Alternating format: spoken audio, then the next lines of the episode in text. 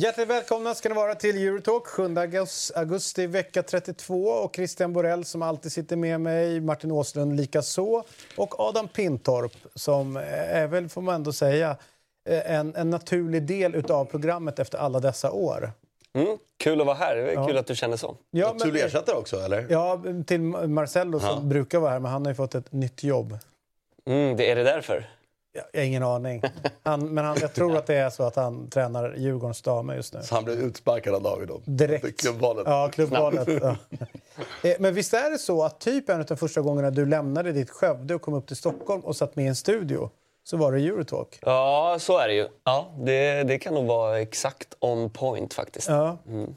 Sen Den vi... bakgrunden har inte jag riktigt koll. Jag vet att du kom till fyran då. Li, lite, mindre, lite mindre skägg. Ja, precis. Och, men... Han har samma babyface i övrigt. Ja, ja, ja. ja, men alltså, skulle jag dra av det så hade det... Sett likadant ut.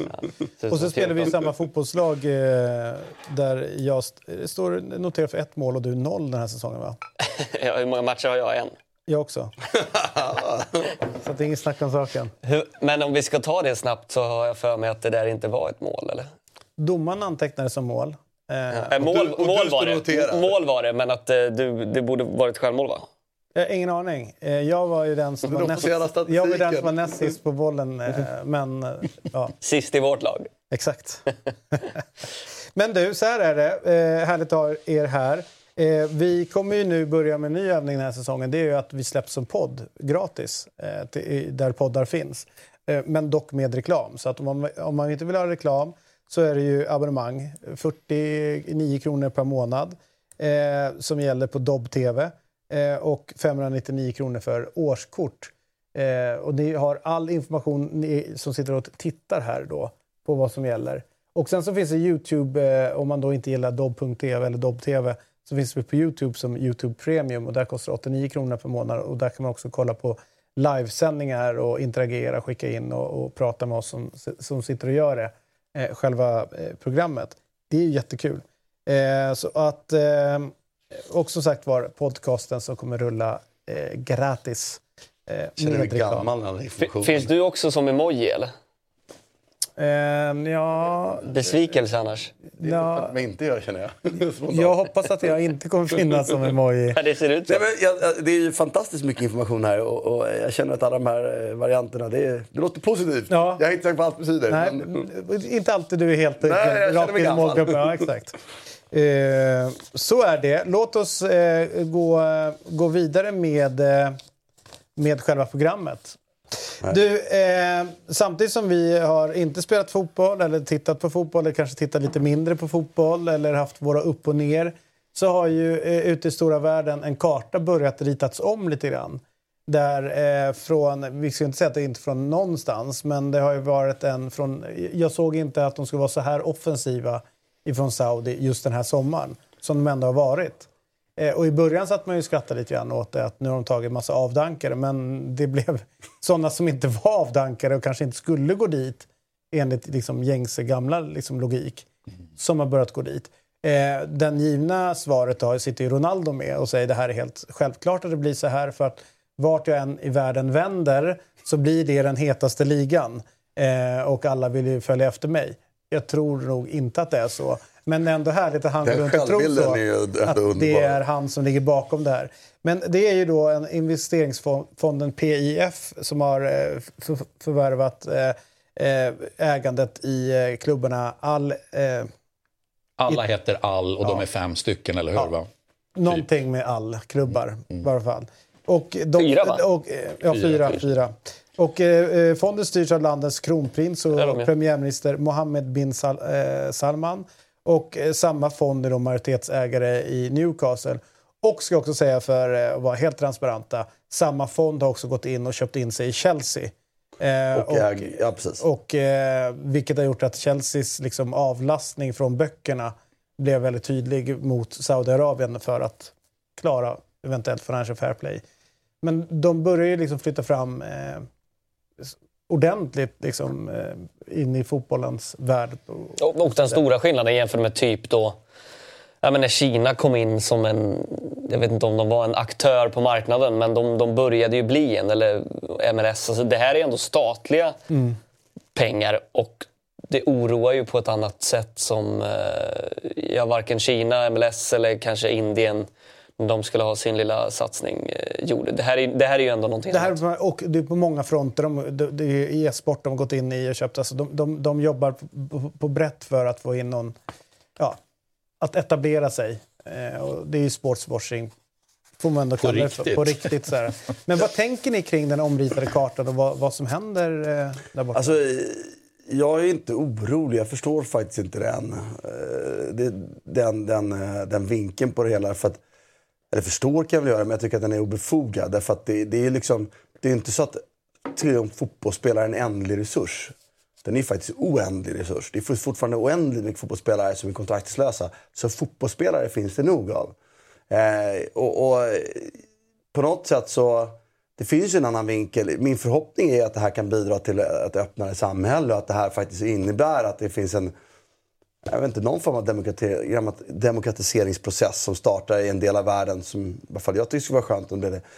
Så det finns positiva delar Sen är det jag tänker bara när jag ser de här spelarna som försvinner. Fan vad skönt. Massa pengar in till klubbarna. Eh, jag noterar att, att liksom, om man tittar att det finns ett nyckeltal i världsfotbollen idag som är kopplat på pris kontra lön. Så är det nyckeltalet helt... Det här, liksom, spelarna de köper, pengarna de lägger, är lite högre möjligtvis än vad man skulle säga att de är värda. Men det är inte mycket. Utan det är lönerna som är de skeva. Mm. Så det nyckeltalet skruvas om. Eh, och jag tänker att det är kul för en del spelare som eh, liksom får pengar, människor. Och, och förhoppningsvis kan det ge mer pengar till andra. Fler kan försörja sig på ordentlig fotboll för att de hålen ska fyllas av andra. Så det, det är rätt, rätt liksom, den, den biten har jag inget problem med. Det jag tänker för ligans del, om man tar den delen först. Så tänker jag så här att, att Saudiarabien, jag har aldrig varit där och jag har inte haft någon plan att vara där. Och jag är ingen stort fan av det sätt de lever och styr sitt land på. Men det gör de i alla fall. Men det är ju att om de ska ha de här lönerna. Alltså om de, om de sätter en lönenivå här uppe. Det blir svårt att inte alltid hålla en lönenivå som är där uppe. Och, och visst, det är mycket pengar, men är det hållbart? De kan ju liksom inte köpa alla spelare alltid till de här pengarna. Och gör de det så är inte jag så orolig för det kommer alltid nya. Och någonstans är det fortfarande ett motstånd att flytta dit. För de flesta spelarna vill ju hellre, får vi se för sig, men ta en sån som Osimhen nu som verkligen har chans att gå dit. Som ja, men han vill vara kvar i europeisk fotboll. Liksom. Mbappé verkar också... Mbappé. Så det finns andra aspekter i det. Så jag, den biten stör mig mindre. Och alla de här spelarna jag ser på den här listan är bra. Men ingen av dem är spelare som jag nödvändigtvis kommer sakna i, i fotbollen. Kanske Benzema. Ja, men han har ju varit där, så alltså, du vet, det finns ett utrymme, utrymme att fylla. Liksom. Så att det, jag, jag tyckte ändå att det blev... Alla saknar till en liten del. Förstår jag Det, det, det, kommer inte förändra min, min vilja att följa europeisk fotboll. Nej, eller? nej, nej. nej men, det, men det blev väl ändå lite skillnad, kände, kände jag personligen. Om, om vi bara pratar spelare som man kommer sakna. Jag, jag förstår Benzema och han pratar ju också väldigt mycket om att han någon gång velat leva i den muslimska kulturen på riktigt. Och det är väl samma sak som Mares. Och de är 30, 35. Ska man också Absolut. respekt för. Uh, och, och det, det, finns ju en uh, lite mer röd tråd där. Men när en Milinkovic Savic, som jag tror hade kunnat gå in i rätt många av världens tio bästa lag och, och ändå gjort skillnad i Europa, går dit som 28-åring. Det är ändå någonting som skaver på ett annat sätt än när Benzema känner sig lite klar. Nu har han vunnit Champions League, han har gjort det flera gånger, han har vunnit sin guldboll. Han har lagt av i landslaget. Det tycker inte jag är eh, lika anmärkningsvärt som en spelare som är 27-28 som är liksom kanske inte ens nått sin peaken. Ja, eh, det är lika med Apropå då Mbappé och skulle kunna fortsätta några år till. Och, ja, det, visst är det så. Ja. Men, men det finns ju... Milinkovic Savic med all ära, men det är ju ingen unik fotbollsspelare i fotbollsvärlden. Det finns ju 200 spelare som honom, minst. Och det är säkert 2000 på kö att komma upp. Och det kommer en generation av fotbollsspelare nu. Jag tror att vi står för ett nytt steg igen i fotbollen. Det kommer fotbollsspelare nu, tycker jag, på bred front som har en skolning som är de här som kommer 04, 05, 06 nu, de ser otroligt... 07 till och med Barcelona. De ser otroligt bra ut, alltså skolade. Så att jag... jag, jag, jag, jag där, resursen fotbollsspelare, den är, den är ju inte oändlig, men den är nära nog oändlig. Så för mig stör det inte. Och jag tycker på ett sätt att det, att det blir bra att det finns fler platser för fotbollsspelare att tjäna pengar. Jag tycker kanske att nyckeltalet som jag är inne på är, är lite skru, eller det är skruvat på ett sätt som det blir svårt att upprätthålla, tänker jag, över tid. Även för dem. Men för, det lär ju förmodligen inte stanna här. Nej. De har åtta, jag tror de höjde inför kommer- här, åtta Och då utländska... kommer, vi, då kommer vi till det mest intressanta av allt i det här. Det är att det här kanske äntligen blir nådastöten för den här paragrafen med, med break-even-kriteriet som finns i Financial Fair Play. För att om de inte skrotar den så är de chanslösa, europeiska lagen. Och storlagen. För att om det nu blir stora spelare då, som, in, som är på väg uppåt som går också. För att det är ju nästa steg. För jag menar, ingen annan lag kan erbjuda spelare som Mbappé och Osimhen de pengarna. De kan ju inte konkurrera med det i europeiska klubbar. För det funkar inte inom Financial Fair Play. De har resurserna, men de får inte. Och då faller den parametern som är mitt hatobjekt nummer ett inom eh, världsfotbollen just nu. Så att, eh, jag, jag ser inte det. Sen, sen har jag, eh, vill inte, det är klart att jag inte, jag tror ju att det finns en, en eh, det borde rimligtvis vara så att det finns en, en sida av att Saudiarabien köper med spelarna när de tar steg mot, mot den typ av demokrati som jag tycker, är- eller vi tycker är rätt att leva efter. Eller? Ja, jo. Ja, det borde vara ett ledsteg åt det hållet och det, det ska man väl ändå liksom också... Och jag, är, jag kommer inte liksom följa, jag är mer intresserad av att följa MLS än vad jag är för den här ligan just nu. Och det är inte för att jag föredrar Messi för Ronaldo utan det känns bara lite roligare på något sätt. Men eh, över tid så... så, så eh, Jag har svårt att få in i huvudet, eh, bara byta liga snabbt, när eh, Messi står och pekar i eufori till Robert Taylor. Och det, det, det har han ju gjort nu. Ja, är det, det det, liksom, vackert? ja, gång efter gång. ja, men det är det som är så konstigt. det vackert? Jo, men det är det. Men det är Robert Taylor. Jag har Ja. sett hur dålig han är på nära håll. Ja. Han kan inte vara den som Mes- Messi pekar på. Det Men det är också, vara... jag tycker också Messi har det- angripit det på rätt sätt. Ja, han har- jo, men- han har gått in och krigat. Ja, Det men allt, ja, allt har han gjort bra. Men för mig skaver det att det är Robert Taylor. Robert Taylor lev, lever life Ja, där alltså, borta det nu, de här senaste enormt. veckorna. Ja. Men fattar du? Jag, men, jag, ja, jag, vet inte, jag tycker tvärtom att det, är- det är fantastiskt. Liksom. Jo, men det är, jo, men det är surrealistiskt Ja, ja, att se... det är det verkligen. Men, men, men tror du inte, för min spontana gissning är att många väljer att stå på MLS-benet Mm. eh, snarare än Saudi av den enkla anledningen att vi, eh, vi har växt, vuxit upp med eh, amerikansk idrott generellt och det är lättare att ta till sig de städerna. Vi, vi vet ju inte så mycket om Saudiarabien, om, om, Jeddah, om Riyadh. Alltså det, det blir en annan Det grej. Att, att att, att Leo Messi också går till ett Miami, det känns bara... Men I mitt fall så är det ju, alltså dels, dels gillar jag, jag är ju alltid var, jag har varit mycket i Miami genom åren. Alltid tyckt det är konstigt Det är det jag att menar inte ändå, att- att det-. Men, men sen är det väl också att, att, att det är fortfarande, det finns en del aspekter på hur man ser på människor som eh, känns, alltså vi är inte perfekta på något sätt eh, här i västvärlden. Men här är ett land som är ganska långt efter. Jag känner att jag inte riktigt är där än att jag vill Får, får Jordan Henderson för mycket kritik för sin övergång till eh, den saudiska ligan? Eller är det rimligt? Ja, det är ju rimligt att frågan ställs, det måste man ju säga. Men, men, men vad gör han av det här? Jag menar, han kanske gör det här till någon, någon sensationell plattform och, och jag ska inte säga att han blir någon slags aktivist på, på saudisk eh, territorium, va? Men, men han kan ju göra grejer där. Även om jag tar för givet att det är rätt svårt att göra grejer, så, så nog fasen kan han göra grejer. Men det finns ju ändå... Så att, så att vi kan inte börja med att säga att du är dum i huvudet som gör det, utan, utan han, han kanske har en masterplan här faktiskt. Du, jag tänker vi lämnar Saudi där och så tar vi oss till England. Varann har skrivit ett öppet brev. We want to protect the game we love and give the fans our best. Eh, är, han, eh, är, är hans stora liksom, det, det paraplyt. Men han pratar om att eh, de har under många år haft eh, farhågor över att det är för många eh, matcher och för lite återhämtning och ett tajt spelschema. Eh, och det är både tufft fysiskt och mentalt för spelarna som är involverade. Trots all feedback så är det nu rekommenderat för upp den här säsongen så börjar nu med längre matcher. Eh, därför att de kommer lägga på den här tilläggstiden som du blev exponerad för i VM. Och vi som satt och tittade. Jag gillade i och för sig att de, det blev tilläggstid som var liksom irrelevant mot vad hur mycket folk hade idlat under själva matchen. Men det blir ju längre matcher. Eh, och att eh, det blir mer intensitet eh, under matcherna. Mindre känslor får visas från spelarna för att nu blir man ju varnad om man eh, liksom eh, brusar upp eller eh, blir besviken över ett, ett, ett domslut och sådär. Eh, och han ställer sig frågan då, eh, varför är inte våran röst hörd till de som sitter och bestämmer? Vad tänker ni kring eh, både brevet och förändringarna? Alltså, det är ju omöjligt. Jag, jag ser problemet. Jag, jag, förstår ju tanken med det här lägga till tid. Jag håller med dig om att, att, att, att eh, det, det maskas bort tid i avgörande moment i matcher som man vill på något sätt komma åt. Det kan jag hålla med om. Problemet är att jag tror inte man gör det riktigt. Liksom. Jag tror att det bara leder till längre matcher. Eh, alltså, och, och, det kanske är bra då. då. Och, och, det kanske är ett sätt att komma åt att ge mer speltid. För det är mer chans. Vi såg det Arsenal igår, liksom 101 minuten. Men, men eh, det är ju slitsamt. Jag, och jag håller med om honom och hans kritik också mot känslor. Jag tycker att det det blir mer och mer Rob Vi vill väl ha reaktioner. Man måste få reagera på saker utan att det ska vara... Inte gå igenom och sparka ner folk, det är inte det jag menar. Men, men det måste kunna vi, alltså, någonstans, när, och när, det här att inte få springa och tysta motståndarklack så här, för det är, Man bara, vad fan, de skriker skit till mig i 90 minuter och jag gör mål. Det, måste man liksom, det är en del som jag saknar, måste jag säga. Däremot så håller jag inte med honom om det här med att det är overcrowded. Eller det är det ju, men det är ju... Vi har pratat om det här tidigare. Det är ju bara att man måste rotera mer. Eh, och det är mer, eh, spel, man, mer speltillfällen till fler spelare. Liksom. Och, och, är det det folk vill se tycker jag inte att det är ett problem. Nej. Vill inte folk se det så ska man inte ha det. Vill jag se det?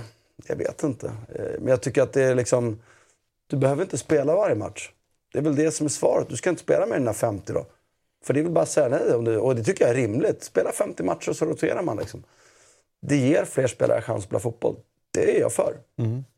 Eh, det som är, blir lite spännande med den här säsongen i Premier League är ju att de inför ju nya varje år, så ungefär i min känsla.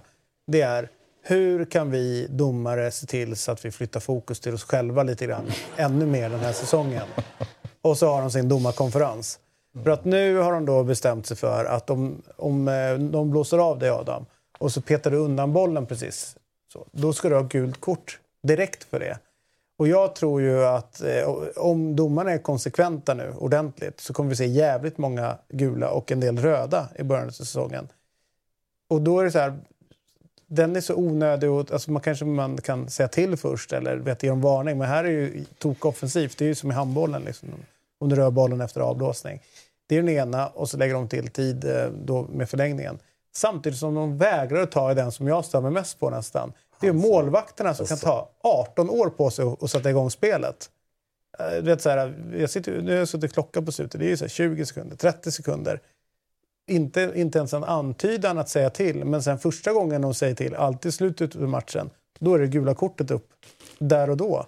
Men varför inte från början för att få mer... Ger aldrig någon effekt heller. Men mer flyt i spelet. Där skulle det vara en, mm. en tydlig sån liksom, eh, grej. Men den, men den all... regeln, den, de bryr sig inte om. Men de har hittat en annan här borta som man... Och då tycker jag målvaktsgrejen den påverkar matchens flöde mera. Än vad, om någon liksom blir avblåst och puttar undan bollen lite grann. Det är, liksom, det är dumt men... Men, men det gäller ju både fötter och händer då tar jag för givet den här, eh, du sa fötter till en början men, men det gäller... Ja, om alltså, du tar bollen och kastar bort den. Ja, precis. Men då, då missar man ju en av de här, en grej som jag älskar som, som eh, jag alltid har tyckt väldigt mycket om med, med italiensk fotboll. Det är ju det här att du att, att du, liksom, ja, du, du, du, tar upp bollen, du börjar backa och sen, och sen kör du... Eh, det liksom, höga kastet tillbaka? Det höga kastet med backspin tillbaka. Ja. Så att, liksom det som egentligen ska ta en sekund, liksom bollen, det känns som att man håller på i tio sekunder och bara spinner ner. Som tränaren är väl på i Salernitana. Eller rätt sagt, de har det i, i men, men, men, modersmjölk. och vi hade aldrig fått Zlatans underbara no-look-grej när han kastar bollen i ansiktet på eh, var det målvakten i något konstigt land. bollen på målvakten. Ja, för mycket. Han jo, men var du inte rädd att få ett gult kort och bli avstängd? Absolut inte. Han ville snacka men du skulle ha haft ett gult där? Absolut inte. Om du hade varit domare kanske. Men du vet ju bättre än mig. Nej, nej, men jag... vi, vi, vi, kikar på, vi, kikar på hur det ser ut, såg ut Zlatan. Här har vi den situationen där, när du är lite Just frustrerad det. i det här läget va? Jag ser Jottan. Det är non-look pass, så det är bra. Vidare då så var det då Community Shield, eh, kanske en av världens, världens mest upphypade träningsmatcher. Det är inte mycket till en, en titel så. Men det var ju inte en karaktär utav en träningsmatch, det vi såg. Det var ju väldigt intressant att se att båda verkligen ville vinna. Och, eh, Men rent officiellt är det väl den eh, engelska eller supercupen? Ja, så det, det, räknas väl ändå in? Ja, ja det är en titel. Så de, de här 43 som Dan, Dani Alves leder väl antal titlar i världsfotbollen. Av de 43 så är väl supercupen ändå Ja, ja, liksom. Community Shield räknas väl ändå in? 100 procent. Då ska man ju spela det, i Frankrike och England där det också finns ligacuper. Ja, men den, den, har ju blivit... Eh, det är ju en... Eh, kanske inte den starkaste av titlar man kan bärga på, på de eh, brittiska öarna. Men dock en titel. Och eh, tycker jag att det, finns, eh, det fanns väldigt mycket kul att kolla på matchen. Men det finns också en liten förbannelse med de som vinner eh, Community Shield. Det blir ju inte speciellt bra säsong den kommande. Det är därför City aldrig vinner. Det är det som är grejen. De gav ju det här till Arsenal för att se till så att de kommer choka. Men vad säger ni om matchen? Väldigt taktisk. Eh, vi pratade om det innan lite. Jag, jag som ändå tycker om det här otroligt genomtänkta sätt att spela som många av de här ledarlagen har eh, i alla stycken. Så finns det en, en del av mig som saknar den här skolgårdsfotbollen. Eh, och om jag känner det kan jag tänka mig att det är många som inte är så taktiskt intresserade måste ju sakna den jättemycket. För det är väldigt kontrollerat och uppstyrt i många, många stycken matcher. Och det är kul att se, Arsenal har ju sett dem i tre träningsmatcher. Då har de ju spelat en match när de hade den här inverterade ytterbacken. När Timber gick in, då spelade han högerback den matchen. Gick in som högerback in centralt och blev en av de två sittarna som Shinchenko gjorde förra året. Men så har de spelat nu med, med Partey, Partey och Rice. Och då har ju Timber, eller ytterbackarna blivit mer normala ytterbackar igen. Och, och det funkar bra tycker jag eh, för Arsenal igår. Eh, dels funkar det bra defensivt. Jag tycker i och för sig City man saknar ju kanske Gündogans eh, från var kommer märkas i början. Så var inte De Bruyne med och då är de ju lite, de var lite liksom effektlösa. De hade mycket boll. Men tung, tyngre lag, med, om man tänker sig att man switchar bort eh, Gündogan och får in en Kovacic. Alltså, mm. Det, det fysiska de får in och tycker jag var spännande att se Kovacic men lite högre upp i banan. Han driver, I, i Chelsea, ja, exakt. Mm. För Chelsea när han gjorde det så började han så långt bak. Så när han var klar mm. med sin löpning så hade han, typ, då var han på halva halva offensivt. Nu när han sätter igång så kom han in i straffområdet. Och han är jävligt bra på den. Mm. Alltså det, var, det var jävligt spännande att se honom högre upp i banan. Men det kändes väl som att de saknade just den spelartypen du nämner. Att det blev alltså, hålet och glappet, om vi pratar spelarprofil, mellan Alvarez och Kovacic. De behöver någon som är, det, ja, ja. ja, men någon som är... Om det, det är Gündogan eller någon annan. Men jag men... tänker mer Rodri och Kovacic om man säger om de matcherna. Det är inte alltid det kommer att se ut så. Men det finns en, en fysik de får in eh, på mitt plan som jag tyckte var ja, men ganska ja, men, attraktiv alltså, att se. Jag tycker dels, det, Adam är lite på, Citys stora problem den här matchen är att de inte klarade av övergången från bollhållandet och eh, liksom uppbyggnaden till att ta den in i sista tredjedelen på ett bra sätt. Det var flit av det. Utan det blev mest när de etablerade och det var Grealish hade ingen speciellt märkvärdig dag. Silva är ju aldrig dålig men kanske inte då kommit sin rätt helt fullt ut. Och just som Kovacic Alvarez kombinationen kontra att spela då med Gündogan De Bruyne är ju klart sämre i den här matchen. Men Kovacic De Bruyne kan mycket väl, som du är inne på, bli bättre. För jag håller ju med om det. Vi pratade om det lite i matchen igår, att liksom Guardiola har egentligen inte haft en mittfältare, det finns ganska få av dem egentligen, som utöver att vara duktig med boll och transportera boll och passa boll, dessutom helt, helt, helt plötsligt bryter linjen med bollen. Det hade han ju en gästa i Barcelona när de var som bäst. Som blandade det här. Helt plötsligt flöt ju han bara igenom. Han var ju bättre än Kovacic någonsin kommer bli. Men det är ändå samma liksom, mm. förmåga. Jag håller med om det. Att det är någonting. Det är ett vapen och Kovacic tycker jag bitvis var bra. Framförallt första halvlek. Sen tyckte jag det var rätt att byta ut honom. Han hade lite tungt där i andra. För han ger också bort bollen mycket mer än vad jag vet att Guardiolas lag vill göra egentligen.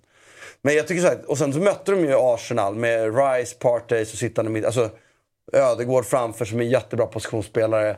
Det är ju liksom ett väldigt bra lag att möta. Alltså, det finns ju andra matcher när den här skillnaden Kovacic, Alvarez, De Bruyne, Gündogan kanske till och med det här, till de här spelarnas fördel. Liksom. Nu möter man ett av de bästa lagen i ligan. Så att, men det, igår, så, igår lyckades de inte ta bollen tillräckligt ofta, eller väldigt sällan, från bra possession in till en, en, en liksom, anfallsspel sista tredjedelen. Och, det lyckas, och, och varför det inte funkade, det kan ju vara liksom motståndare, det kan vara sakna spelare. Men det kan ju också vara tid på säsongen. ja, fortfarande... och de kom igång två veckor senare än de andra. Så det kanske man kan se lite grann ja. i det, eh, sett till var man är någonstans so, som lag. Ja. Eh, det gladde mig nog oerhört eh, med Havertz insats eh, Jag tycker igår. också det. Det var eh, jättebra tycker jag. Förutom att han inte gjorde mål. Men skulle han gjort mål på de där? Han, det, det, första, det första när han får bollen av Saka, när han får den bakom sig. Det är ju riktigt bra att liksom, man koordinerar sig få ner bollen, få runda, vända runt med den och komma till avslut. Och det är ju en fin räddning.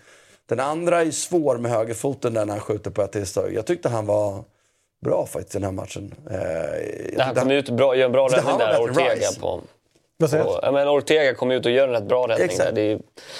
Det är, Ja, men det, det, är ändå lite snöpligt ändå, ödets ironi, att han lämnar Chelsea från att ha spelat väldigt mycket som nia eller falsk nia eller benämnde vad ni än önskar.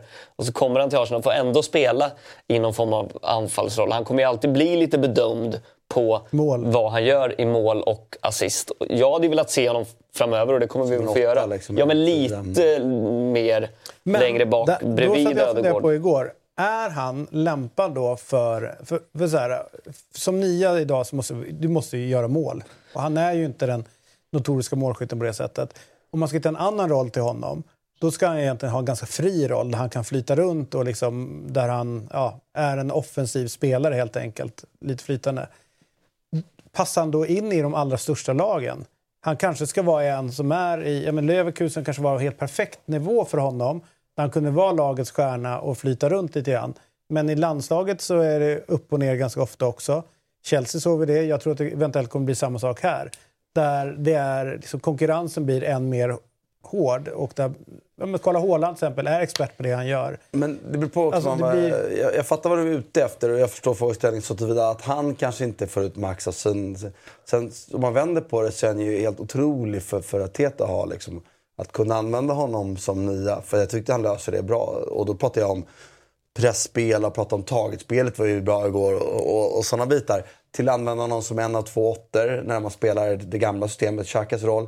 Han är väl kanske som bäst tycker jag, en av de här centrerade. Nu har inte de rollerna riktigt i Arsenal. Men de har provat det lite på försäsongen. Att en av de här centrerade, du vet Saka och Martinellis roller. Martinellis roll skulle han kunna ha.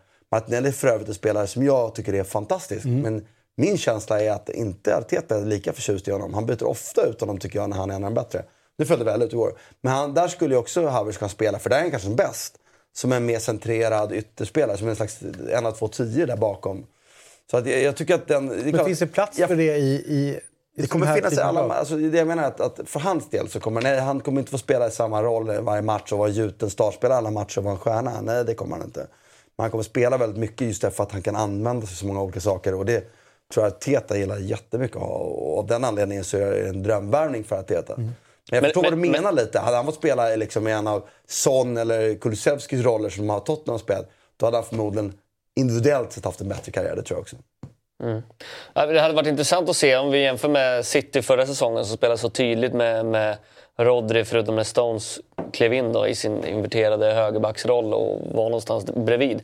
Men i ut, utgångsposition så var ju han den enda lite mer defensiva mittfältaren. Hade Arsenal kunnat spela med, liksom, med, med De Bruyne och med Gündogan i samma roller då som Ödegård och Havertz i ett Arsenal. Hade det blivit för offensivt balanserat?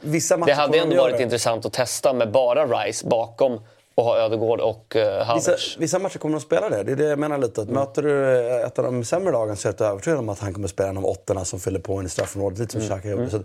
det är den kombinationen. Men jag, Davids fråga är ju rimligt ställd. För att det innebär att han kommer ju hela tiden få byta position lite. Eh, men det får han nog, det, så kommer det nog bli. Jag vet, det... men David är befogad där. Alltså, mm. Hade han spelat i kanske Tottenham då och fått samma roll hela tiden i matchen hade han förmodligen synts mer, gjort mer poäng och kanske passat honom bättre.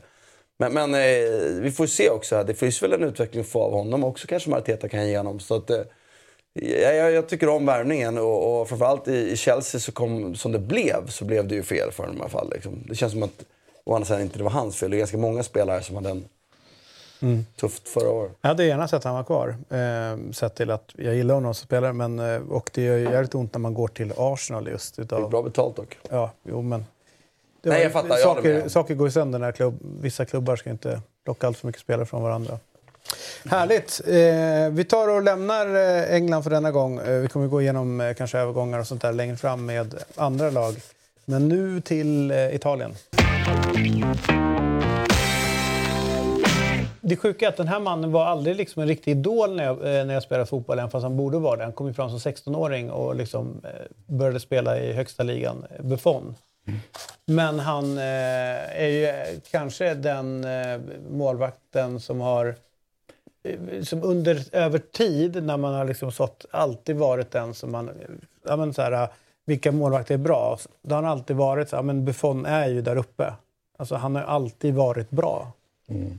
Eh, även fast spelet med fötterna kanske liksom inte var hans ja, melodi. Men, men, då vill jag ändå ha, liksom, om, om det nu finns en övergång, vilket ju gör i, i fotboll i modern tid, där, där spelet med fötterna då har jag säger inte att det är viktigare, men det har ansetts vara viktigare efter, efter en viss tidpunkt. Så med tanke på att han då är född i en annan tid och upplärd i en annan tid så måste jag säga att eh, han har gjort det med fötterna bra.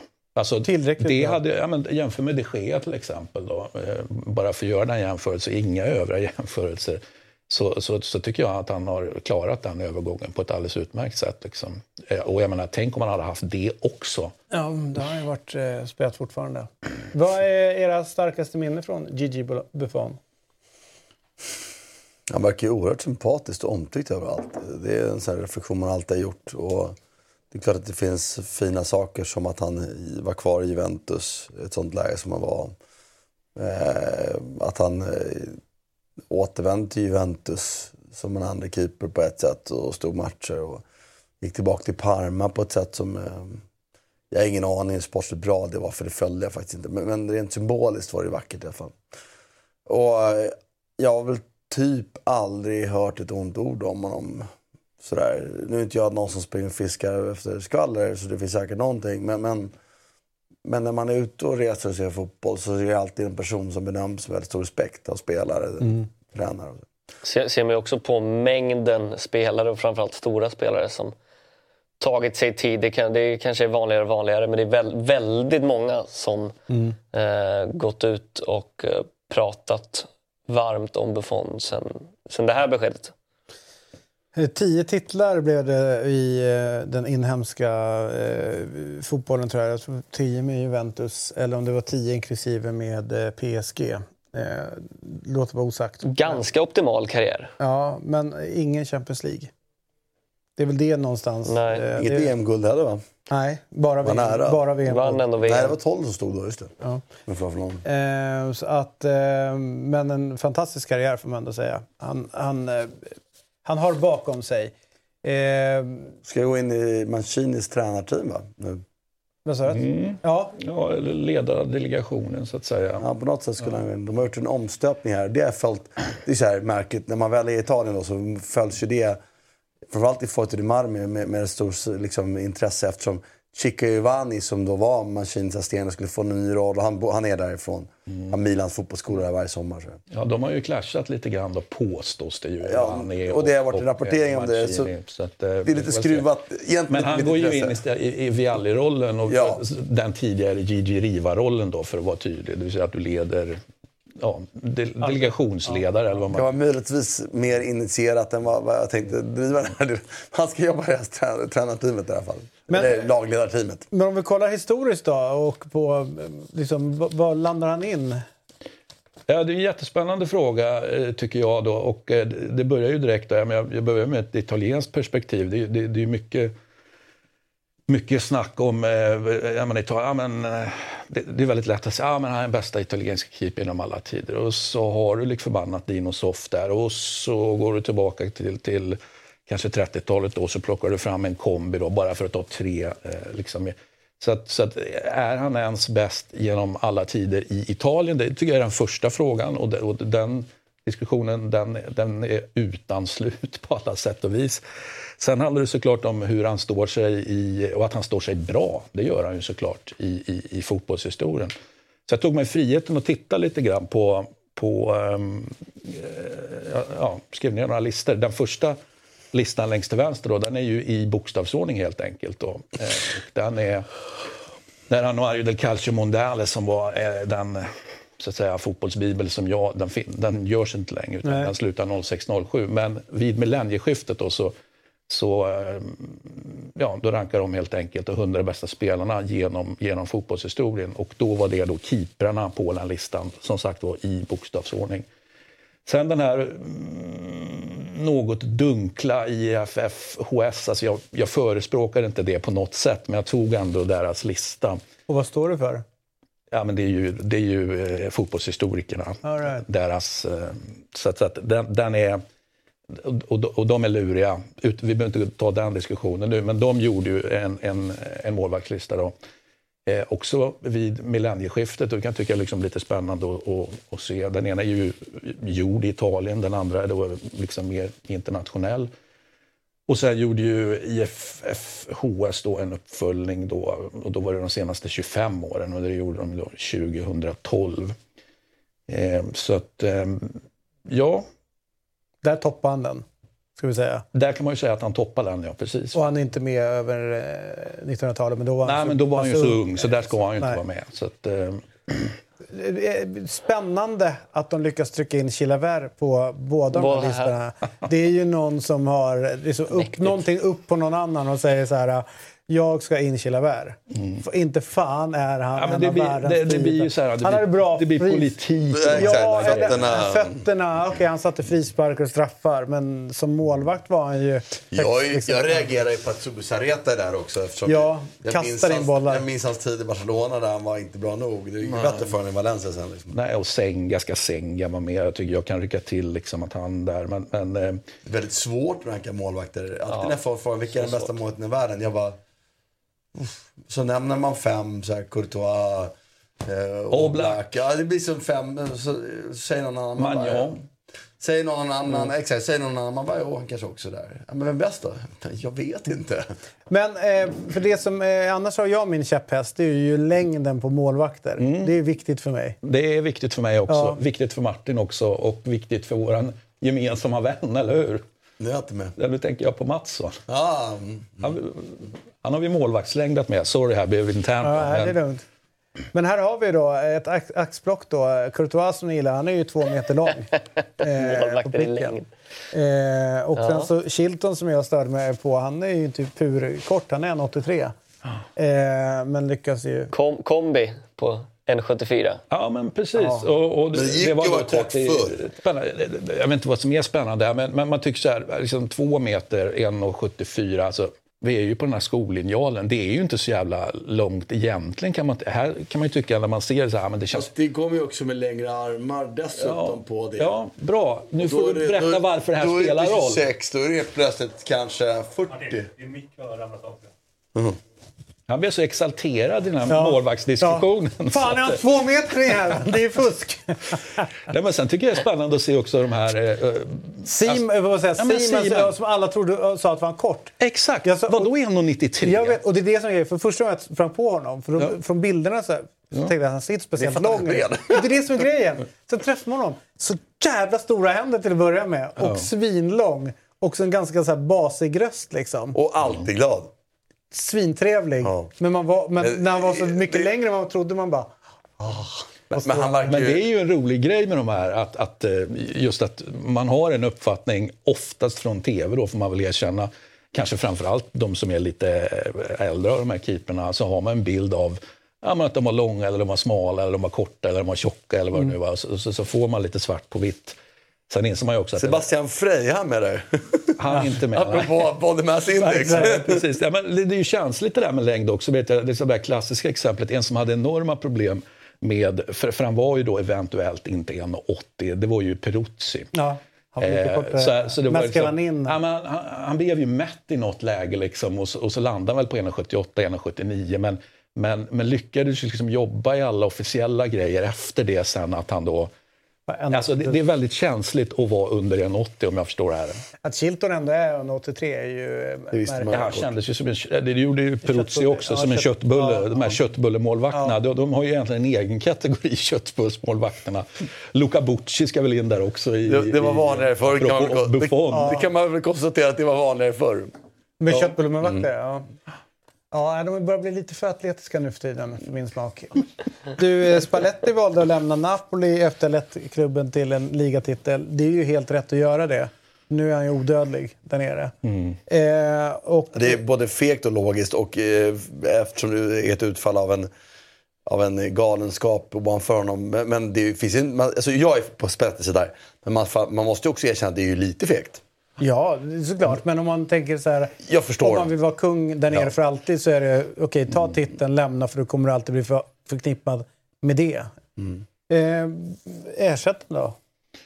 Spännande. Ja, han som tar kamikaze-uppdraget. Ja, eller ja, En som går från Saudi till Italien nu. Ja, exakt. Ett av de få. Ja, men det han har cashat in. Det, det, som, om det nu är en ny fotbollsvärld, vi har ju pratat om att eh, om, om det nu är det, liksom, så har han gjort liksom de valen Rudi Garcia ändå gjorde. Han var ju nere och, har nere och, varit och vänt på, på arabiska halvön. Det, det, betyder också att hans europeiska karriär ska ju egentligen vara slut.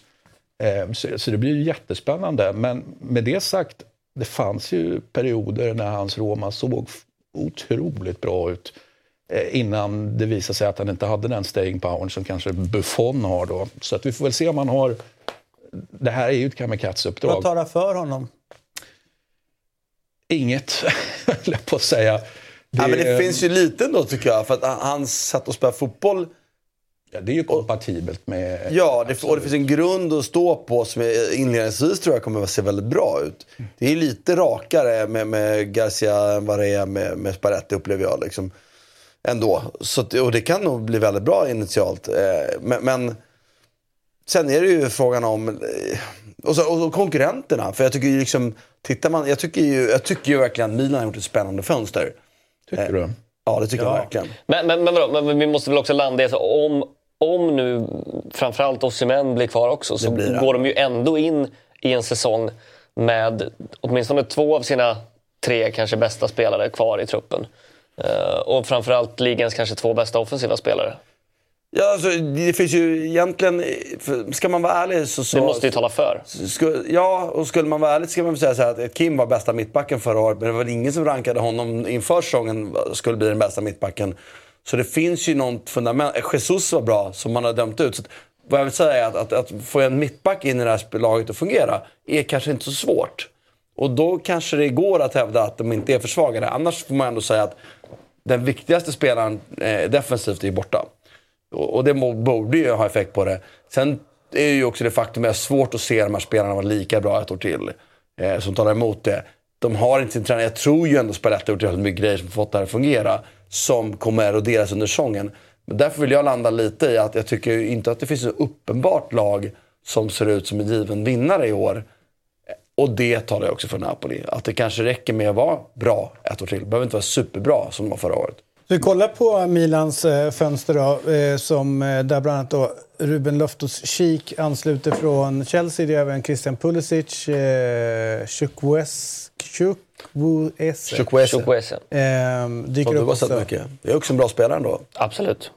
Pulisic tror jag kan vara en, eh, också en spelare som kan få någonting. Det känns som att i Chelsea så föll han offer lite för att konkurrensen var så bra. Så att han och fick... hans skador. Ja, men också konkurrensen var så bra. Så, att du, liksom, så fort han inte var bra så fanns det fyra till och, och då måste ju chansen. Han, får han spela liksom, kontinuerligt så tror jag ändå att han kan spela. Chukwueze är en spännande spelare.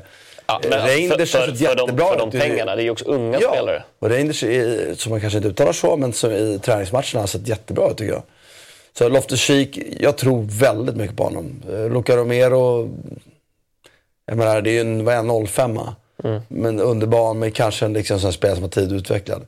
Så jag tycker att det ser, och så Liao som... Eh, okay. Som är kvar. Får en annan spelartyp också till alltså, mm. jämfört med eh, Giroud där uppe med, med Okafor. De kan spela på ett lite annat sätt. Nu har de haft Ibra och de har haft Giroud. Han, kan de kan spela på ett lite annorlunda sätt om det krävs. Och jag tycker det känns sjukt spännande. Christian var inte alls enig där, kände jag. Nej, det var jag inte. Är det jag... Tonali-tappet som skaver? Nej, nej, nej, jag tycker stanna... Han behöver inte spela i Milan, han får gärna få stanna i Italien såklart. Va? Men det är inte det som eh, på något sätt, eh, om du nu sa skaver eller vad du nu sa. Eh, det är det inte alls där, utan jag... Det här nya sättet att arbeta som de nu, den sportsliga ledningen har varit väldigt tydliga med, kanske bara är ett sätt att få någon slags acceptans för att man då kapade eh, Maldini och, och Massara. Men det, det var ju mer så säga, klassiskt, eh, lite, lite gammaldags då, att det fanns en tydlig ansvarig Eh, så kan man ju säga liksom att det var ju ingen förra sommarens Mercato, det var ju jag vill inte säga att det var bara det som knäckte Maldini, men det hjälpte ju till. Det, det var liksom dålig förhandlingssits du har när du dessutom inte riktigt synkar kanske på ett personligt plan. Du vill jobba, inte kanske så mycket i team, eller, eller du vill jobba i team, men du vill vara den som verkligen bestämmer i slutändan. Och sen har du gjort ett ja, men ett dyngfönster som i alla fall på kort sikt eh, inte blev bra. Som kanske hade gått att rätta till över tid. Och, och, och, och det är ju viktigt också att en sportchef ska få tid att rätta till sina, sina liksom misstag. Men allting kan inte sitta. Det behöver inte vara så att en majoritet av affärerna sitter. Det är min liksom, käpphäst. Det kan vara det kan, vara liksom, det kan vara fyra av tio. Det räcker det är liksom, vilka, exakt. Fyra, och sitter fyra av tio, det är skitbra om det är så att säga rätt fyra. Eh, men jag får en känsla eh, att eh, jag tänker direkt när jag ser det här, jag, jag tänker direkt på, på Kina-Milan som, som Mirabelli liksom sköt igång då när han skulle göra sin revolution för vad det nu blir, fem år sedan eller någonting, sex år sedan. Tycker du? För det fönstret håller jag med om var dyrt och dåligt. Men det här är ju bra spelare. Ja, men det jag, känner, jag känner inte med någon spelare heller att det är... Uh... Billigt och bra spelare. Möjligtvis ett stort fokus på fysik och lite lite teknik. Men det är kanske dit de ska gå. Det är, ju, det är ju spelare, alla de här har ju bra, nästan alla de här är ju, har hög fysisk kapacitet. Liksom, rappa, eh, explosiva, atletiska. Och det är väl, eller nästan majoriteten av dem har det i alla fall. Och det tycker jag väl ändå så okej, okay, ska det bli ett sånt skifte? Ja. Om vi har inflöde då i positiv och negativ bemärkelse så, så pratar vi ju om Napoli precis och då jag hävdar med bestämdhet att det just nu i alla fall då det lutar åt för lite inflöde. får vi se vad Zielinski då till exempel och så vidare. Och här för mycket? Här, här får jag en känsla av att här är alldeles för mycket inflöde. Här är ju allting från fyrbackslinje och framåt då, Leao-undantaget, så är det alltså ett, ett, det är alltså ett helt nytt lag. Det är, liksom, ja, men det är revolution helt enkelt. Eh, och det är en amerikansk revolution med, med, med, med amerikanskt sätt eh, så att, säga, att tänka. Och, eh, sen att de inte är nödvändigtvis amerikaner, de som styr. Men det här är ju, liksom, det här är ju, det här är ju så mycket USA det bara kan Ja, och, och det är ju en klart vinkling åt att, att, att, att spelare från den regionen också som, som möjligtvis då är skev. Men, men jag tycker inte priserna de betalt för dem är speciellt Höga, Priserna, liksom. det kan jag hålla med om, det är ganska låga, låga summor helt enkelt. Vilket ju eventuellt då skulle kunna vara, då kunde man använda det som du brukar prata om, det du sa om Juntoli precis, mm. Napoli som du har sagt över tid att ja, man gå för två eller tre riktigt stora istället för åtta. Eh, Men det tycker jag väl kanske att Milan behövde. De, Leao är den stora och behövde, de behövde bygga en bättre bas. Det är min bild. Och, mm. Ja, spännande. Sen som sagt, Tonali och Benazer var två väldigt, eller, var väldigt fina fotbollsspelare. Jag är inte säker på att den, den bolltryggheten finns hos de här spelarna som kommer in. Utan det är ju mer spelare som är bra med boll, men framförallt dynamiska. Så att väljer de att spela mer dynamisk fotboll så kan det här vara en revolution i Serie A, men, tror jag. Men, men också så här, alltså Benazer ska ju tillbaka. Kronic har spelat mycket på försäsongen. Det skulle poten potentiellt... Ska, ska han säljas? Ja, bud från Saudi. Men det skulle ju potentiellt sett kunna vara tre, fyra nya startspelare. Och då är det väl lite mer det du var inne på med Napoli, att det kanske är den perfekta. Men för det är ju också på positioner då... Än, här blir det ju mer än 3-4. Tror du? Uh, ja, det... det Loftus-Cheek, Reinders, Pulisic. Um, så att, eh, och, och, och, och, märk väl då, alla utom, utom uh, nya andrekeepern Sportiel och Luca Romero har ju varit och touchat och Lazio lite grann. Eh, de andra är ju då nya, alltså de, de, kommer till en ny liga, en ny fotboll. Jag tror fan att det kommer att ta tid att spela in dem innan Det kan de göra det, och jag håller med om den. För, men jag tänker så historien har visat nu sista åren är att det har plockat spelare från Premier League i synnerhet. Som förut, under tio år sedan funkade nästan aldrig. Nu har det funkat ganska bra, rätt omgående. På många spelare tycker jag. jag. Jag tycker det känns jättespännande i alla fall. Jag tycker de har lagt lite pengar. Och jag tycker de har förstärkt spelartyper. Jag tycker de har saknat en en på andra kanten mot Leao. Som har haft en, liksom en och där har de ju värvat två nu som jag, tycker är riktigt säga, bra. Nu har de ju hundra där. Nej, två. Pulisic och Chukwueze är ju riktigt bra. Mm. Eh, jag tycker de har saknat en central mittfältare med liksom dynamik. Där det har varit bra fotbollsspelare. Nu har de fått för många kanske, den aspekten. Och det är min enda frågetecken nu. Vem är det som ska se till att de håller bollen av de här? Det är om Benazer Jag, jag, vet inte hur bra han är, han eh, Reinders. Det är väl en annan spelartyp än Loftus-Cheek? Ja, lite mer åt Loftus-Cheek-hållet tycker jag. Ah, okay. ja, jag, I, I så fall så köper jag ju. Men de två är ju, jag tycker båda de två känns jättespännande. Så att, och Musa är ju definitivt en eh, jävla kraftpaket. Liksom, så att, men de kanske ska spela lite mer sån fotboll också. Det har ju varit en tendens tycker jag i, i mm. Piolis lag ibland. Och, jag tycker det känns spännande. Ja, jag, jag, jag såg hur de ställde upp henne senast när de, när de hade... Är när de hade Kronic bakom två liksom mer, eh, vad ska man säga, det var, det var tre centrala mittfältare som var så tydligt centrala mittfältare av lite samma karaktär. Det hade varit spännande att se, tycker jag, Pulisic som tia eh, och två sittande bakom och så då en Chukwueze på högerkanten. Mm. Ja, det skulle kunna göra, men just det faktum att de kan spela med tre centrala, rejäla. De har en spelare längst fram och så har de kommer de ha på varsin kant nu två stycken spelare som är riktigt bra. För jag tror att Pulisic kommer vara riktigt bra faktiskt. Jag tror det. Ja, spännande. Vi mm. All right, vi eh, rullar vidare till Spanien. hände grejer i Barcelona va? Eh, Dembele, och det var ju ganska tydligt och härligt, eh, ärligt utav eh, Tillbaka på träningsplanen med Xavi. Barcelona idag. Där han bara konstaterar att eh, så här, eh, hans kärlek till Barcelona lyser igenom. Men alltså, så fort det är någon spelare som säger att de inte vill vara kvar, då är det bara skicka ungefär. Mm. Eh, jag gillar ju det, är ju liksom Mourinho-eskt någonting. Så fort en spelare kommer och knackar på dörren att jag har anbud någon annanstans. Vill du gå? Japp. Då är det bara pff, skicka. Tycker det är något vackert i det. Men, vi, men det kändes ju som att Dembele och Xavi till slut hittade varandra på ett ganska fint sätt. Och att han, och alltså, till, till slut, utan ganska direkt. Xavi var, det var en av, en av de spelarna han först uttalade sig om, eh, bara sett till hans liksom, individuella kvalitet. Han, han kan bli en av de bästa i världen. Och sen så höll han ju kvar vid det och spelade honom mycket. Jag tycker att han har varit, i alla fall sett till bara det han har gjort i Barcelona så har han ju varit som bäst under Xavi. Mm. Eh, så, är det. det så då är Xavi förrådd helt enkelt? Det tror jag nog att han känner eh, lite. det är ju också väldigt bra för klubben där. Istället för att han lämnade gratis, gratis nästa, så har han ju förlängt kontraktet och han har varit bra en del att ändå vann ligan förra året. Och nu får man betalt för honom. För det är väl typ 50-60 miljoner euro pratar mm. om. Det och det behöver de ju. Det behöver de verkligen. Så att, eh, nej, det, jag tycker att det här utvecklar sig och jag känner att det finns så gott om alternativ i den här positionen i Barcelona där Dembélé är bra, riktigt bra, avgörande men jag tycker inte att det är en fundamental spelare på det sättet. Det, det är mycket bättre än att sälja Pedri eh, till exempel. Så att, nej, jag tycker det känns eh, helt okej okay om han försvinner.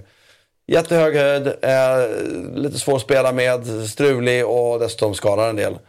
Sälj, för guds skull. Hämta hem pengar. Va, vad blir det för nytt Barcelona vi kommer se i år? Jag tänker att eh, en som alltid varit där känns som. Det är Sergio Busquets och nu kliver de in en säsong utan honom. Romeo. Han var ju inte liksom lika instrumental som kanske tidigare men det har ändå varit en, liksom någon att luta sig mot. Mm. Säkert även liksom utanför planen. Va, vad tänker du där? Jag, jag tror ju att Oriol Romeo kommer få spela väldigt mycket. Jag tror inte att, uh, att han kommer våga spela Frankie de Jong bara i den där uh, rollen. Sen tror jag nog att vi kommer få se ett Barcelona som likt förra säsongen spelar kanske fler matcher än färre matcher med fyra mittfältare än att vi ser dem gå över till ett klassiskt 4-3-3. Liksom Cruyff och Pep inspirerat som det, som det var i alla fall på deras tid i Barcelona. Så jag, jag, jag, jag tror att det kommer bli Ja, alltså, Gavi eller kanske Gündogan, eventuellt även Pedri kommer utgå från en, från en kant om vi bara ställer upp det. Men att det kommer vara väldigt mycket ett annat spelsystem än vad, än vad vi har vant oss vid med, med det klassiska eh, Barcelona. Och det har vi ju sett rätt mycket under Xavi med, med framförallt kanske Gavi som utgår från en vänsterkant eller högerkant beroende på vem av Rafinha, Ferran Torres, Ansu Fati, eventuellt någon annan som, som, som ska spela på den här kanten förutom Lewandowski som är given. Mm. Ehm, det, är, det är nog vad jag tror. Jag tror Oriol Romeo kommer... Han spelar nog en premiär, det tror jag. Mm, det han har blandat gett lite för säsongen, det jag har sett. Han var jättebra någon av matcherna. Någon match, ja. Och väl mot Arsenal där det inte var så bra. Liksom. Det blev i och för sig inte så mycket bättre än Alk heller. Nej men vadå, Barcelona, jag tycker väl en sak kvarstår. Det är väl kanske att de... Jag vet inte hur de ska klara sig i Europa eh, mot de bästa lagen eh, när man, eh, de är inte tillräckligt bra balanserade eller tillräckligt bra på att spela försvarsspel eller tillräckligt bra backar för att spela. Tänk dig bara en sån match mot Arsenal, de förlorar med 5-3 liksom. Ehm, det var inte så att Arsenal saknade mer chanser än det heller. Och ändå har Barcelona 60% bollen om nästan, 58-59 av de hade. Så då känner jag att en del av den problematiken är kvar. Men, men de börjar ju ändå den här säsongen på mycket högre utgångsposition än de förra året. De vann ändå ligan förra året. Mm. Eh, och förhoppningsvis så gör han inte bort sig i Europa en gång till, Xavi, utan, utan faktiskt får till det lite. Då är de ju i en åttonde eller kvartsfinal. Och det är ju historiskt sett för Barcelona, eh, lång historiskt sett, inte så dåligt. Men historiskt sett i den historia vi har haft de sista 25-30 åren så är det inte så bra såklart. Men, men tittar man på två år tillbaka, tre år tillbaka så, så, så får vi kanske börja där. Liksom. Och försvara titeln finns det väl förutsättningar att göra. Det är svårt att veta vad Real Madrid är just nu. Eh, det, det är ändå tappat liksom, bra spelare, fått in bra spelare. Men, och, och, man då, eh, och de vann ju mot Real Madrid. Ja, och om man surrar lite Real då. Vad, vad betyder det att de sitter med en, eh, man säger, lame duck heter det inom politiken, men mm. att, att det är så tydligt att Ancelotti han kör det här året bara. Mm. Eh, och sen så kommer han eh, gå vidare. Tror ni att det har någon betydelse? Det, kän, det, kän, det, känns som att det blir intressant på så, så, många aspekter att se vad som kommer hända med Real Madrid från eh, nästa sommar och eh, framåt. För det är ju inte bara Ancelotti som gör det här sista året utan det är Toni Kroos och Luka Modric har ju gått med på... Det känns som att de ska vara, de, de ska vara på plats nu i någon form av övergångsperiod och, och lära Jude Bellingham allt eh, de kan. Och då, de är liksom tränarens eh, ögon ute på planen. Både på träningsplanen och ute på, eh, på matchplanen. Eh, det känns som att det kommer ske rätt mycket och att det är, det är någon form av era definitivt här nu som går i graven efter den här säsongen. Benzema har lämnat. Modric och Kroos är kvar. Det, det, tror jag blir viktigt, även om jag inte tror att de kommer starta varje match och kanske inte ens varje, varje stor match. Men äh, det, det känns inte 100% balanserat. Och mycket kommer att ske från och med nästa sommar. Och mycket mycket kan ju ske innan det också säger jag. Alltså sitter Ancelotti verkligen säsongen ut? Jag vill säga det går dåligt så åker han ju direkt. Frågetecken för det. Oh. Jag tycker det här är, just lame duck-grejen tycker jag, den är, den är sjukt giltig i politik den är nästan, och den är ännu mer giltig i fotboll. Liksom jag, Alltså lame duck är ju recipe for disaster. Det är, det är bara är så. Men det är ändå Ancelotti i Real Madrid. Ja, jag tror att det ska krävas något men... enormt för att han ska få sparken i, i förtid. Då, så att jo, säga. Med tanke på, om vi pratar tacksamhetsskuld och allting innan. Ja, men framförallt tror jag att han är rätt bra. Alltså, det känns som att om det är någon som kan hantera en sån situation rent ledarskapsmässigt så är det ju han. Men den kanske inte ens går att hantera situationen. Alltså, du kan alltid hantera alla situationer. Så är det ju. Sen kan du inte hantera dem till full i någon situation. Utan det är alltid en, grad, en skala vi pratar om här nu. Men är det någon som kan... Över, alltså det finns ju fördelar med det och det finns nackdelar med det. I det här fallet är nackdelarna säkert större, självfallet. Men ja, jag tror att han, han har möjligheter att balansera det på ett sätt som ingen annan har, i min bild utifrån. Men med det sagt så... Så är det inte önskvärt att han är lame duck? Ja, men jag tycker mer att också så här, liksom, det är hela truppen i bygg för ett, ett, ett övergångsår. Lite. Alltså, det är svårt att se att de ska få utslag för alla de här spelarna på en gång. Och Benzema har ju ändå varit väldigt, väldigt viktig. Om än inte lika viktig förra året så har han ändå varit den, den bästa spelaren ja. de har haft på väldigt många år. Så att det borde få något form av, eh, någon form av betydelse. Så att, och leder man inte ligan, eller ligger man långt efter Barcelona i januari, februari, då tror jag absolut att det finns en risk att han får sparken, även om det är tacksamhetsskull. Jo, jo, jo men, jag, jag menade, det, det lät tänkte jag som att han får, får kicken direkt efter en torskad Champions eh, League-match. Det tror inte jag, utan Nej, snarare att vi sa. kommer in Jag sa att under säsongen så ja, men risken är jättestor att han, att han kommer... Och då har vi nästa problematik, för så, så som jag ser på det, den som ska ta över det här är ju Xabi Alonso. Eh, Precis signerat nytt va? Ja, men, men, men, det spelar inte så stor roll. Jag menar, det, det, det går att fixa ändå. Men, men, men då hamnar man i ett läge då där han kan, ja, men nästa sommar kan han perfekt lämna över stafettpinnen då för Xabi Alonso oavsett om han nu har signerat nytt eh, kontrakt. Så, så, så tänker jag att då lame duck Ancelotti kan få gå under säsongen. Det ställer till problem i den här successionsordningen som, som, mm. faktiskt, som jag eh, uppfattar existerar. Att Xabi Alonso, om inte han liksom skulle börja skicka väldigt konstiga signaler och, och, och börja gå åt helvete som tränare. Han skickar ju precis de motsatta signalerna. Att det, ja, det här ser ut att gå precis så bra som, som alla har trott. Liksom. Ett, ett problem är väl... Jag tror om, att det, det, här, det här kommer att fucka upp sig. Om det skulle gå dåligt för Real Madrid så tror jag inte att Ancelotti hade haft någonting emot att tacka för sig heller. För att han har ju, han har ju också ett Brasilien och ett Copa America och ett VM. Alltså, han, han, han har ju nästa sak att kunna påbörja lite tidigare i så fall. Så, har han, han samma motivation att ro det i land? Kommer han ens få sätta sig på den där tränarbänken i Brasilien? Det är det som är så spännande för att de har ju plockat in Fernando Diniz som är eh, med, ja, förbundskapten under ett års tid. Och han är ju liksom the it guy i Brasilien nu med det han gör med Fluminense och deras sätt att spela fotboll. Det, som är liksom ett, de då argumenterar för, ett svar mot europafieringen utav den brasilianska fotbollen och de brasilianska fotbollsspelarna. Så han håller på med den här relations... Ja, ni känner till honom. Eh, och, och det sättet de spelar. Och de vill ju då hitta tillbaka till att landslaget ska spela en sån typ av fotboll. Mm. Och det är det alla drar åt, det är det alla vill. Och det är ju absolut motsatsen till att plocka in eh, Ancelotti som förbundskapten. Kolonialt. Som absolut inte står för den typen mm. av fotboll utan, utan är ju väldigt mycket inne i den europeiska. Så det blir superspännande att se vart det här tar vägen runt, runt landslaget. Det är klart det att eh, Denise sitter med ett givet kontrakt ett år och han ska köra det här året parallellt med Fluminense.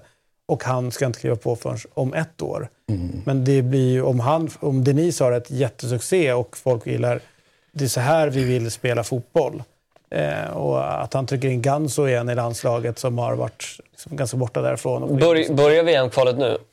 Eh, det, det, har jag ingen aning om. Jag, jag bara tänker, eller, eh, för det, det, det, det, kan vara en viktig parameter ändå om han får verkliga tävlingsmatcher och det blir succé. Eller om det bara blir träningsmatcher. Ja, exakt. Men de har, de kvalar, alla kvalar alltid till något, någonting, ja, känns som. Men, ja, men det blir men, spännande att se vad som händer där. Men uppförsbacken där också, jag menar, du, du har ju en presidentmarkering och då pratar vi inte fotbollspresidentmarkering utan du har ju en Lola-markering ja, mot hela den här Ja, ja. Eh, det vill säga Ancelotti. Nej, men han är ändå, ja, ja. Jag uppfattar att han... Han säger det man, för att publika opinionen tycker det ju. Jag är helt övertygad om att han tycker det själv. Alltså det, det, spelar mindre roll tycker jag. Ja, han, han ja. följer... men, jo, men hur som helst. Du vill inte komma som förbundskapten till ett nytt land och ha landets president emot dig. Det, ah, den, större så. Ja. För vad, alltså, vad, vad du menar fuck upp för Ancelotti Real? Vad är det du menar fuck upp? Vad är liksom, pratar vi om deras, deras givna plan är ju att vi nej, nej, men jag menar, jag menar sportsligt i år. Liksom. Pratar vi om att Real kommer trea och gruppspel Champions League? Eller vad tror du? Liksom? Oklart. Jag, jag, jag, jag, är inte ute efter att han ska få gå efter en match som du sa. Utan, men jag, jag tror att han kan få problem under, under säsongen. Och vad resulterar det i för resultat sportsligt? Det är det jag menar. Jag vet inte exakt vad det är för placering. Det är svårt att säga på förhand. Exakt. Men, det, men, men, men det gamla klassiska är ju såklart avståndet till Barcelona. Då, eller möjligtvis. Efter, eller efter Atleti. Eller att det inte alls fungerar i, i, i Champions League eller någonting. Ja, men, De har ju vunnit väldigt få ligatitlar, bara Real Madrid, då får man ju säga, efter 20 åren. Sett vad de borde... Sett vad de liksom... Men de vinner den här jävla Champions. Ja, det har de gjort bra däremot. Mm. Men liksom, de bästa lagen vinner ligor, så är det ju. Liksom. Vad tror ni om Mbappé dit då? Kommer, det, kommer han i sommar? Jag hoppas det. Ja, men hur trött är man inte på Mbappé just nu? Han är liksom, inte alls. Är du inte det? Jag, bara, liksom, jag är otroligt positiv till honom. Min utgångspunkt, men hela hans, den här eh, cirkusen han... För det är ju en Mbappé-cirkus han Men han som skapar den, han vill inte förlänga? Nej, nej, det kanske inte är han, han som skapar den. Jag, bara, jag, jag, jag bara känner att jag... jag, jag är... Men du, vad, vad, om vi fortsätter prata sportsligt i Real Madrid. Det känns inte 100% balanserat med Mbappé in heller. Han är ju en, en av världens bästa spelare, kanske världens bästa spelare. Så det är klart att det, det lyfter Real Madrid. Samma position som Vinicius. Men jag tänker bara så här, med tanke på de unga spelarna som de har in Kommer det liksom stänga dörren framåt? Kommer det innebära att de behöver sälja någon av de andra spelarna i nästa fönster om två fönster? Så kan det vara. Men Real Madrid, sagt på dem tidigare, det är inte deras... Liksom, de kan ju till och med köpa för miljarder och så sälja den spelaren Det är viktigt att deras lag blir bättre. Men jag vill, bara, jag vill bara att han flyttar från PSG för att jag tycker det är synd att han inte spelar. Jag skulle jättegärna se honom... Premier League Premier League, absolut. Men jag tror inte att de klubbarna är beredda att ge upp de pengarna. Men jag hoppas det. Mm. Det vore jättekul att se honom. Dessutom tror jag att PSG skulle vara ganska bra att sälja av honom. Luis Enrique kommer att värva in, eh, så kommer, jag tror att PSG under Luis Enrique och de här namn som nämns som ersättare. Colomani, vilka var det mer som de tittade på? Gonzalo Ramos klar nu. Ja, Eller, ja och, och de var någon mer jag tänkte på. Det känns spontant som att helheten blir bättre. Mm. För PSG. Mm, tror jag också. Ja, och, och, det är ju också roligt för PSG. Liksom. Den här fixstjärna-idén kan de ju släppa lite. Ja, men den blev också just det. Mm, Asensio. Ja, Asensio är klar väl. Ja, klart. Ja. ja. precis. Men det är någon som pratar om att komma in istället då. När han, så att, ja, ja, jag tror att det finns vinnare i alla ändar om han ska flytta på sig. Så det är lite därför jag vill att det ska göra Och jag tror inte att det är hans fel. Han förlängde två år. Det var väl med fast i hand kanske inte rätt beslut av honom då. Nej. Men, men då sitter han ju faktiskt med ett år kvar på kontraktet och vill inte förlänga. Och då förstår jag att PSG vill sälja honom nu. Och jag förstår honom att han inte vill gå till Saudiarabien som verkar vara det enda budet som PSG har kommit i mål med. Allt där återigen är det vi hör utifrån, ingen aning internt liksom, som händer. Så att jag tycker han... Eh, där hör du! Ingen har tröttnat på honom förutom nej, du. Nej, nej, jag, jag, är trött, jag säger att jag är trött på cirkusen. Det var okay. det jag sa. Ja, bra. Eh, jag, det är du inte ensam, det är många nu. Ja, jag liksom spelar en, det är ju en fantastisk, och han är ju världens bästa fotbollsspelare för att vara jättetydlig. Innan vi avslutar då, kan jag berätta, jag var på cirkus i somras. Ja. Fruktansvärd upplevelse. Mm. På alla sätt och vis. Ja. Men vad gör man inte för kidsen? Ja, men ja. Man låter aldrig barn få nos om det där. Nej, men då har eh, min kära fru mm. då sett till så att de har en näsa för cirkus och kör den här. Jag var där förra året så vi får gå i år. Jag bara, men det var ju du som introducerade den här eh, cirkusen till dem. Har vi ingen uppdelning här? Nej, nej. Du... Jo, varannan ja, blev det. Ja, dålig uppdelning. Ja, men jag, jag fick med henne dit i alla fall. Mm. Jag hade sånt i huvudet. Ja, det känns som att det... Så att en Mbappé-cirkus är ingenting, ingenting i min värld. Jag tar, jag tar transfercirkusar, jag tar allt möjligt för jag har varit på riktig cirkus. Ja. Det är spännande att se vad, vad, om, om de kan skaka fram ett bud som inte är Saudi. Det, det är ju liksom, och, och Campos som ju då sportchefen som är på väg därifrån men som ju faktiskt as we speak sitter kvar i PSG. Så att, eh, och han är ju då, ja, de har ju Monaco-bakgrund båda två. Så att, ehm, så, jag sitter ju när en förhoppning om Chelsea. Ett års lån eller? Ja, nej, hellre längre. Att de blir kvar där. Ja, ni är ju Saudi-kopplade så att det, det, Piff kan väl eh, piffa till det där kanske. Det är ute att säga att vi är Saudi-kopplade på det där sättet nu. Du har lyssnat på en lite kortare variant utav Eurotalk i och med att du har poddlyssnat. Om du vill se hela programmet så finns vi på Dobb-TV. Eurotalk alltså där för 49 kronor per månad, årskort 599 kronor. Eller om du vill så finns vi på Youtube där du klickar in ett medlemskap och det kostar 89 kronor per månad. Där ser du oss live men också hela långa programmet. Men du har alltså som sagt var lyssnat på podcasten, en timme lång ungefär. Men om du vill ha hela så går du in och bällar för det. Tack för att du lyssnar.